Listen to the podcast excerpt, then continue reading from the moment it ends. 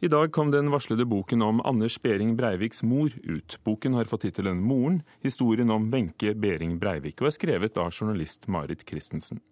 Boken har vært kontroversiell før den kom ut i dag. Blant annet har morens advokat hevdet at Wenche Behring Breivik trakk seg fra samarbeidet med Christensen, og at boken derfor måtte stanses.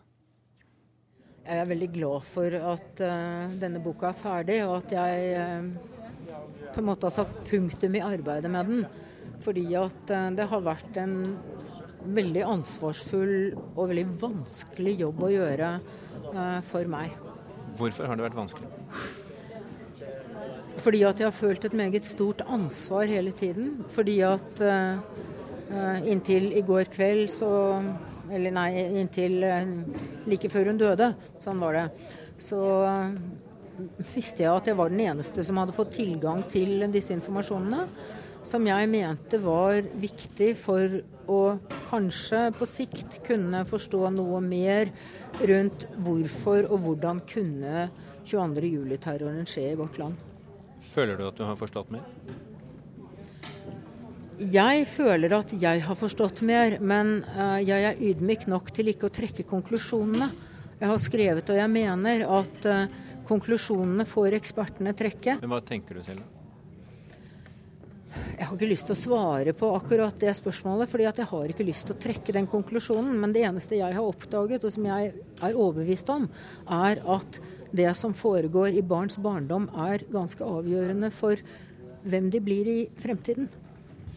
Um, Åge Storm Borchgrevink går jo relativt langt i sin bok uh, i å um, si, åpne for muligheten av at Anders Behring Breiviks oppvekst har vært veldig avgjørende for uh, eller i hvert fall i sterk grad påvirket hans uh, voksenliv, også, også, som terrorist. Um, er du mer eller mindre enig med Borchgrevink etter at du selv har vært igjennom alle disse intervjuene med moren? Jeg har skrevet og jeg mener at eh, jeg tror det er et sammenfall av mange faktorer her. Det er eh, arv, det er miljø, det er oppvekstvilkår, det er tiden vi lever i, eh, han levde i, og en del tilfeldigheter.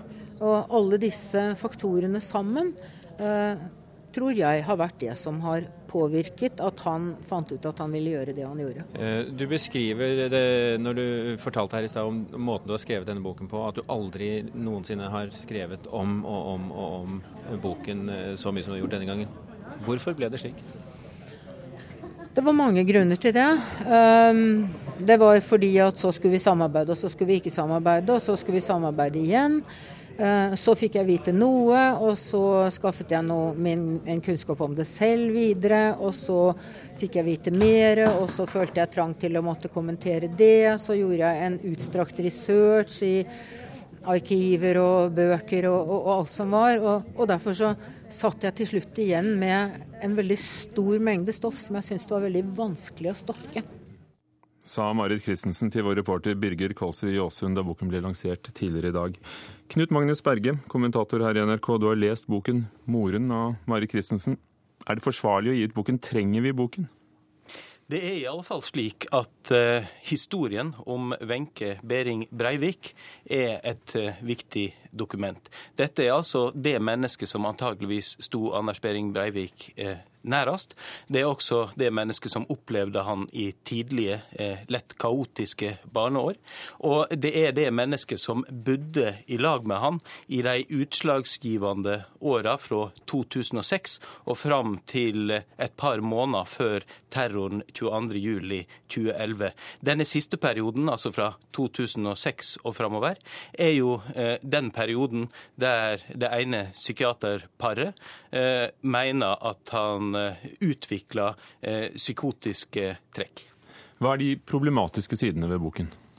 Nei, Det er jo selvsagt de diskusjonene eh, vi har hørt. At Wenche Behring Breivik ikke ønsket å utgi at boka skulle bli utgitt.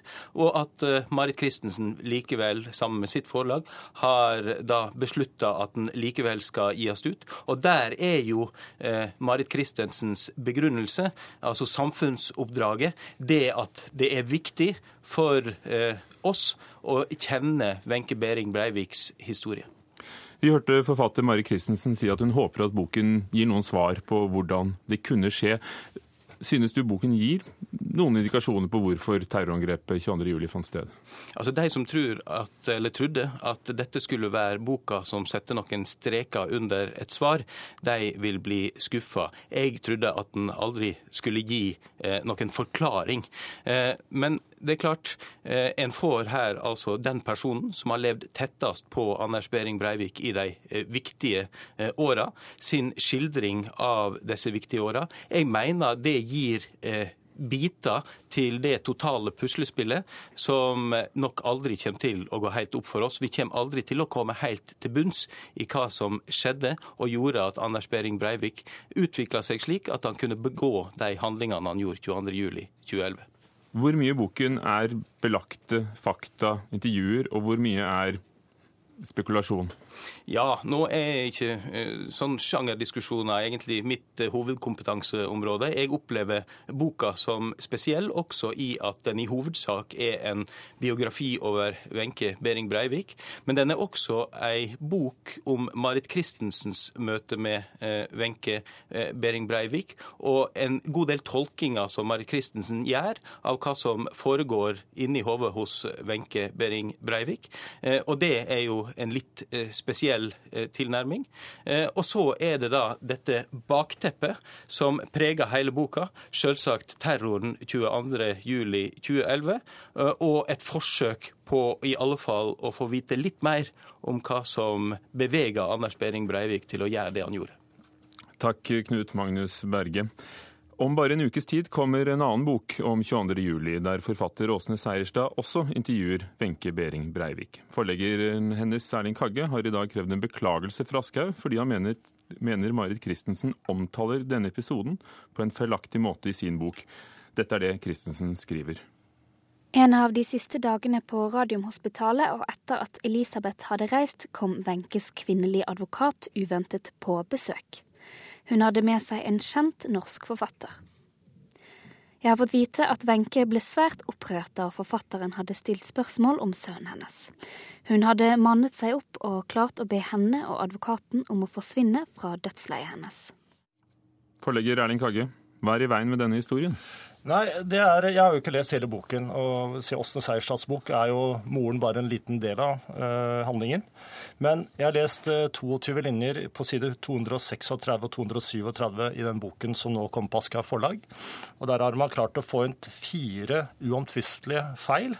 Uh, og De to groveste, som man da lett kan dokumentere at er helt feil, det er at advokaten også Seierstad kom på uventet besøk det er beviselig helt feil. Og det er også veldig uheldig påstand overfor både advokaten og Åsne Seierstad.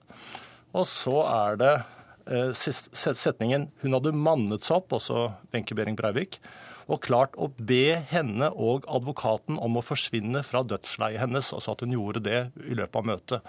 Det er også uomtvistelig feil, rett og slett. For øvrig kan jeg godt ta de to andre feilene også, at hun da ble overrumplet altså Wenche Behring Breivik, og at de kom bare for å hilse på. Det er også feil. Ehm, så utover det, jeg hørte på radioen en dag at dette her var en, eh, en kamp mellom spillet mellom to forlag osv. Det er det ikke. Det det handler om, er grove faktafeil i én bok over 22 linjer. For øvrig ser jeg på nett i dag at boken også inneholder andre faktafeil. Men hva vil du forlaget og forfatteren skal gjøre med de feilene som berører din bok, ja. ditt forlagsbok. Vi gjør jo alle feil, også i Kagge forlag. Her har Aschehoug forlag gjort en grov feil. Og Det vi ber om da, er at det sier beklager, og at de retter opp fra med nye opplag. Verken mer eller mindre.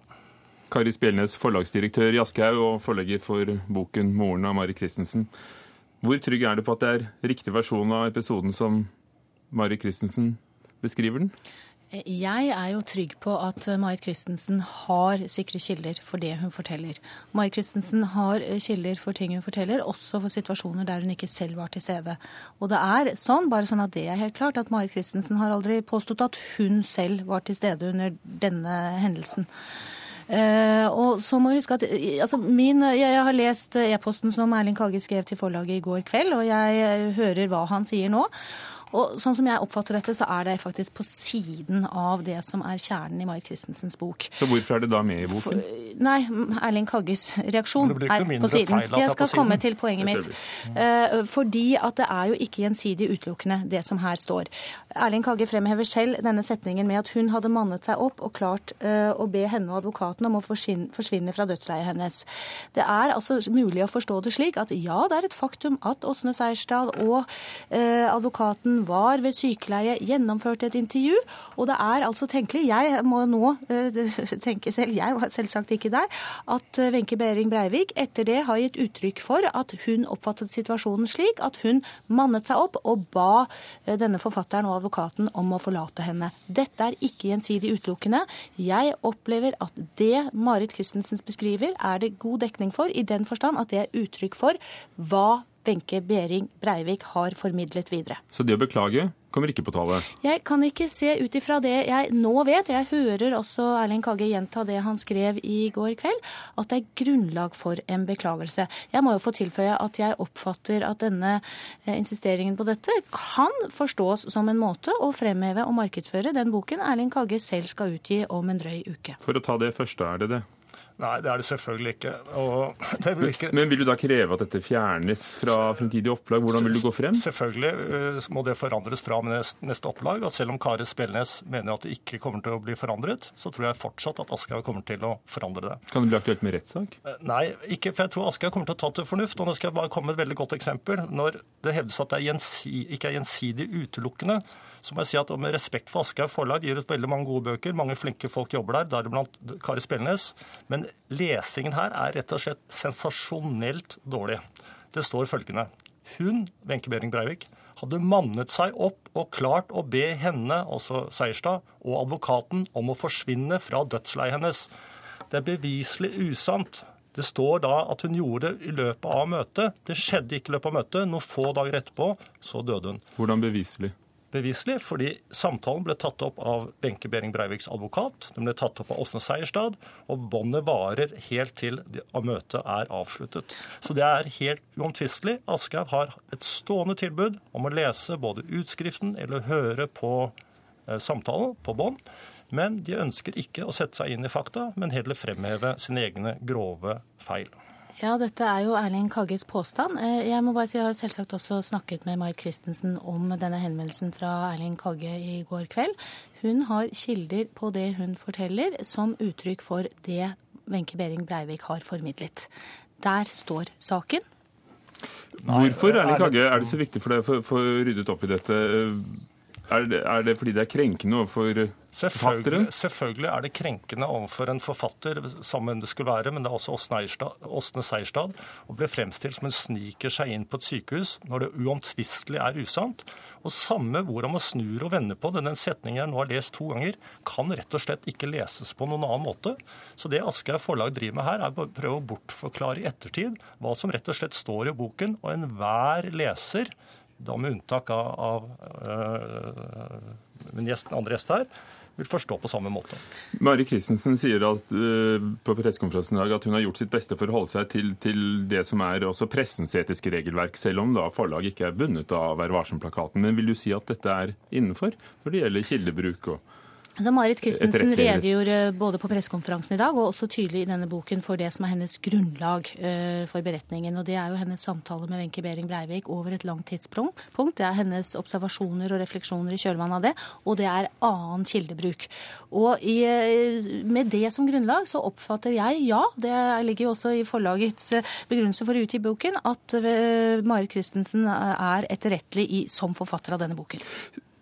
Nå, nå, antydet du at, at Kagge også krever den beklagelsen som et ledd i å få oppmerksomhet om den boken som han vil utgi. Men lanseringen i dag av Marit Christensens bok den kom ganske brått på de fleste. Ja. Hvor viktig var det for dere å komme ham i forkjøpet? Nei, Det var uvesentlig. Det som, er, altså det som er forklaringen på at det kom så brått på, det ligger jo eh, bl.a. i det oppløpet denne utgivelsen har hatt med så mye forhåndsomtale. Og vår vurdering var at vi ville ikke klare å få til en noenlunde samlet, samlet lansering hvis den den skulle være kjent lang tid i forkant. Det viser jo i og for seg også det at etter at vi kunngjorde lanseringen i dag, så har altså både Dagbladet og VG satt himmel og jord bevegelse, skaffet seg bok, øh, omtalt den før den utkommer. Så vi hadde en plan om at vi måtte hemmeligholde datoen inntil like før. Erling Kagge, du sier at du regner med og håper at Aschehoug tar til fornuft. Det var dine ord. Men hvis det da ikke skjer at de fjerner disse passasjene fra nye opplag. Hva vil du da gjøre? Ja, først og fremst må jeg si at du er helt stakkarslig å blande penger og salgstall inn når man selv har begått grove tabber. Åsne Seierstad gir alle sine inntekter fra en av oss som kommer på Kagge forlag, til en opprettet stiftelse som skal gå til gode formål i forbindelse med 22.07. Som en, de som har samarbeidet best med boken, altså etterlatte og folk som overlevde 22.07, skal bestemme de konkrete, de konkrete, formålene. Så det er rett og slett, eh, som jeg sa, stakkarslig. Eh, nå skjønner jeg faktisk ikke hva, hva, hva, er det du viser til nå, Erling Kagge? Jeg, jeg, jeg, jeg, skjønner ikke Jeg viser til nå at Åsne Seierstads inntekter fra boken ikke går til henne, men det går til det gode formål. Jo, men spørsmålet var, Hva vil du eventuelt gjøre i forhold til den beklagelsen du krever? Nei, det, Det det jeg skulle komme til nå. Jeg ville bare ha et apropos. Det må bare se på, men jeg tror de tar til fornuft. Aschehoug forlag har jo heller ikke sånn forretningsidé å spre, spre tullball. Eh, på ingen måte, det kan jeg bekrefte. Jeg har sagt til medier tidligere i dag at slik jeg opp kan se saken i sin helhet nå, så kan jeg ikke si at det foreligger grunnlag til for beklagelse, men vi skal selvsagt se på det en gang til. Og der står saken nå. Takk skal dere ha, forlagsdirektør i Aschehoug, Kari Spelnes, og Erling Kage, forlegger i Kage Forlag. Agnes Moxnes, eh, kommentator i eh, kulturredaksjonen, er på vei inn i studio.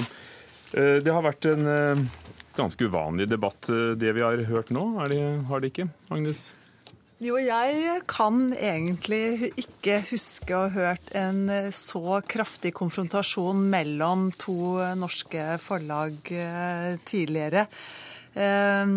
Det er, Vi har vel opplevd det slik som at det er en slags sånn stilltiende overenskomst mellom forlag at, at at uh, man ikke angriper hverandre, men at i sånne tilfeller som dette her, hvor det kommer en, en, bok som det er mye interesse og det kommer til å bli debatt rundt, så vet man at hvis det er etiske brister i boken, så kommer de til å komme frem på en eller annen måte uansett. Får det noen konsekvenser at uh Erling Kagge går ut og krever en beklagelse på denne måten? Ja, altså Det eh, Kagge forlag nå har gjort, det gjør det jo for å svekke tilliten både til eh, boka 'Moren', til forfatteren eh, Marit Christensen, og som vi hørte her, kanskje først og fremst til forlaget Aschehoug.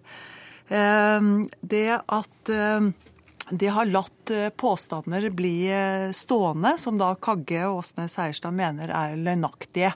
Det, det, må Aschehoug forlag ta kritikk fra, fra Kagge forlag. Og dermed så har det jo i løpet av dagen som har gått i dag, eh, kommet flere og flere som har stilt eh, kraftige spørsmål ved denne bokas eh, troverdighet. Men på en annen side, da, som dere var innom her også, så vet vi jo nå at Åsne Seierstad kommer til å bruke den samme kilden som Marit Christensen har brukt, altså Wenche Behring Breivik, som kilde i den boka som også hun eller som hun kommer med nå om en ukes tid, som også handler om forholdet mellom Wenche Behring Breivik og hennes sønn eh, Anders. Så, så, sånn sett så kan jo dette også være med på å svekke Kagges eh, troverdighet. Debattsidene er fulle, tabloidene har forsidene klistret opp med store bokstaver, og, og, og nesten alle radioprogrammer handler eh, bl.a. om boken 'Moren til Mari Christensen' i dag. Hvorfor denne interessen? For det første så er det eh, nå eh, Wenche Behring Breiviks, Breiviks, historie skal fortelles slik hun selv har fortalt den til Marit Christensen. Det har vært svært mange som har vært på henne for å komme i nærheten av henne for å få gjort denne avtalen. Det var altså Marit Christensen som fikk det til. Det andre er jo det spørsmålet veldig mange stiller seg. Kan man finne forklaringen på Anders Behring Breivik i hans eh, oppvekst? Og så er det jo aktører her som er svært godt kjent. Du har Marit Christensen, tidligere Moskva-korrespondent, kjent i hele Norge. Du har Åsne Seierstad, som er en av Norges absolutt mest kjente forfattere, og som også er eh, dypt respektert i utlandet, og som har en forlegger som heter Erling Kagge. Og så til slutt så har du altså massemorderen Anders Behring Breivik og spørsmålet om hvordan historien om han skal bli seende ut til slutt. Det har vært en debatt som har kommet opp med jevne mellomrom om også forlag bør ha egne etiske regler, sånn som pressen har da Vær varsom-plakaten. Vi var så vidt innom det. Eh, tror du denne boken vil få denne debatten i gang igjen? Jeg er i grunnen enig med dem som mener at eh, det er feil tidspunkt å hente opp den debatten akkurat nå. Fordi at da kommer debatten til, så veldig til å bli definert ut ifra denne boka vi snakker om her nå. For det er utrolig vanskelig å være objektiv i sånne saker som dette her. Vi vet at det var en del etiske spørsmål som, som ble stilt i forbindelse med Åge Borchgrevinks eh, kritikerroste og Brage-belønnete bok om Anders Behring Breivik. Men debatten om de etiske valgene han hadde gjort, ble aldri stor. Og det samme gjelder jo en Karl Ove Knausgård. Han skrev om sine, sin egen familie. Familien ønsket absolutt ikke å bli fortalt om på denne måten her. Eh, men han skriver glimrende, og han er en likandes kar. Men det gjør jo ikke eh, så spørsmålene om de etiske problemstillingene mindre viktige. Så Derfor så mener jeg at man kan ikke lage regler nå som, som bygger på, eh, på denne saken her. Man må være kald i hodet og tenke prinsipielt. Denne boken kommer i dag. Om under to ukers tid kommer Åsne Seierstads bok om 22.07. Hvordan vil disse bøkene prege høsten? De jo, har jo allerede eh, preget høsten kraftig, særlig Marit Christensens eh, bok. Det har vært en debatt som har pågått eh, lenge allerede. Debatten har tatt av for fullt nå i dag. Boka kommer helt sikkert til å gå svært godt, for det er mange som har interesse av å følge den. Agnes Moxnes, takk.